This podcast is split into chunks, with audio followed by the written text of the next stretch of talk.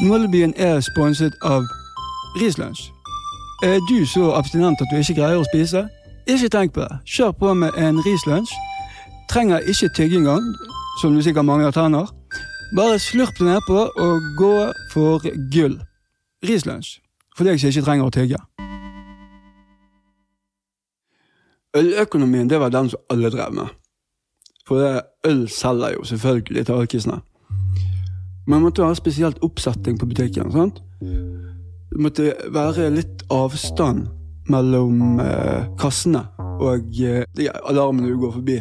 Så det du må gjøre, er at du må trigge den der eh, mikrosensoren som åpnet porten. Og du måtte jo ha en partner.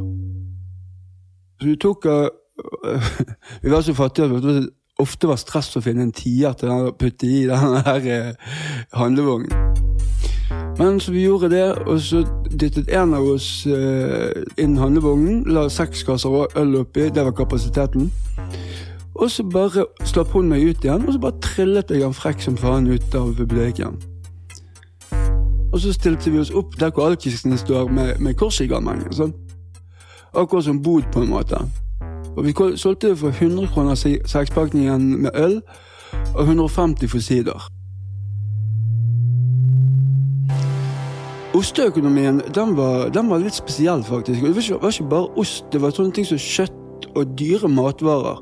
Og det du gjør opp, da, da reiste du opp i trygdegettoene. Tenk Slettebaksveien, for eksempel. Og så ringte du bare på dørene til folk og spurte om de ville kjøpe ost eller uh, kjøtt eller whatever. Og du lærte jo fort hvem som ikke hadde noe å skryple med å kjøpe stjålen kjøtt eller ost. Noen ganger fikk vi hele handlelister med oss. Stjel dette, dette, dette og dette. vi hadde en dame som eh, lagde LSD. Og hun hadde en, li liten skål på bordet med sånne, sånne gummibjørner og sånt. Vi lærte å ikke forsyne oss av de. En gang spiste en sånn jævla bjørn, og plutselig var jeg kjempedrønnet. De var, de var leiset leisatt med LSD. Hun var en god kunde. Veldig glad i Jarlsberg. Elsket Jarlsberg. Og eh, kjøttdeiger spesielt. og sånt. Det likte hun òg. Så hadde du kjøttdeig og Jarlsberg, så gikk du til moren til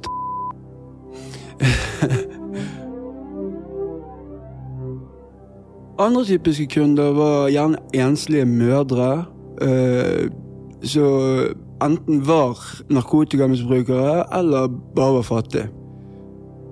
Selvfølgelig, de som bare var fattige, de ga best pris.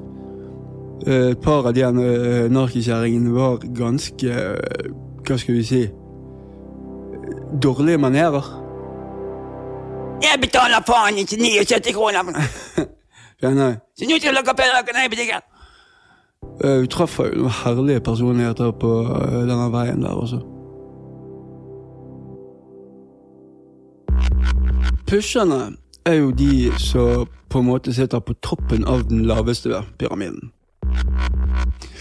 Eh, de er på et gateplan. Og de som er over de igjen, de er hakket over gateplan. Men de er fortsatt avhengige.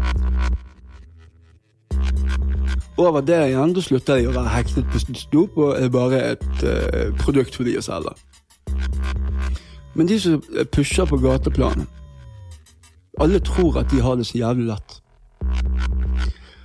Jeg pushet sjøl i to år.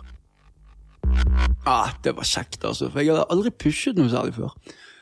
Og det var gøy å få liksom store Gjerne liksom 20-30 gram med heroin som jeg måtte veie og dele. og Jeg følte meg litt Scarface-aktig. For jeg hadde alltid stoff, jeg hadde alltid penger, jeg kunne kjøpe hva jeg ville. Denne følelsen av å kunne, jeg kunne virkelig bruke narkotika med den dedikasjonen han fortjener. Sånn. Han andre kompisen som jobbet for samme fyren, vi pleide å møtes og sånne, drev med sånn ekstrem sportjunking. Sånn.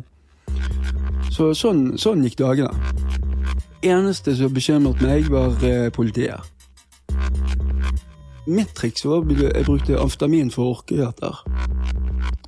Og siden du har en konstant tilgang på heroin, så kan du utsette bivirkningene på amfetamin. Men de tar deg til slutt. Jeg begynte å brenne hull i gardinen min med, sigaretter, for jeg kunne sitte og kikke ut. Den bilen der har stått der i hele dag. Ja, Cato, det er naboen. Han bor her. Ja, jeg er usikker på dette. På et tidspunkt fikk jeg for meg at det var dverger som krøp rundt i luftanleggene for å lytte på oss. De blir psykotiske, rett og slett. Å kombinere det med en slags businessmodell fungerer dårlig. Og så hadde jeg en kjæreste som var fullstendig uegnet til noe som helst narkomani. Hun, eh, det hun gjorde, var å sitte på ræv og junke og se på Seventh Heaven dagen lang. Og hun hadde aldri gått de der stegene. Så hun kunne ikke dette med å stjele øl eller stjele ost. og sånt, så hun, så hun kunne ikke dette. her. Hun hadde bare fått en superkontakt rett i fanget fra den dagen hun begynte å bruke stoff. Han var en veldig sjelden kontakt. Han var alltid presis, han var aldri tom, og kvaliteten var alltid god. Og den trifectaen der, den, den, det skjer bare ikke. Som regel er de en time for seint og har har prisen opp og er ikke til å stole på. Men vi hadde den flaksen at han var liksom to hakk over oss, på en måte. Så han, han brukte ikke stoffet sjøl.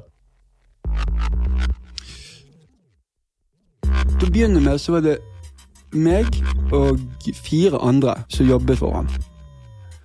Vi krite 30 gram i slengen, så kom vi tilbake med 30 000, og så fikk vi ja. Og det fungerte veldig bra. Men eh, hvis eh, alle sammen husker de gamle automatene, med spilleautomatene hvor man la penger på Han var dønn avhengig av de.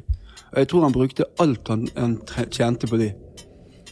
Og så når han tydeligvis begynte å trenge, mer penger, så uh, henvendte seg til flere. Til slutt var vi syv stykker som jobba for han. Og sånne ting ble lagt merke til. Og eh, en dag hadde jeg solgt det jeg skulle, sendte melding. Kan vi møtes? Det var bare det vi pleide å skrive. Og så fikk vi ikke noe svar, og han pleide å svare innen en time iallfall. Og dagen gikk, og fortsatt ingen svar. Og da begynte vi å ane uro.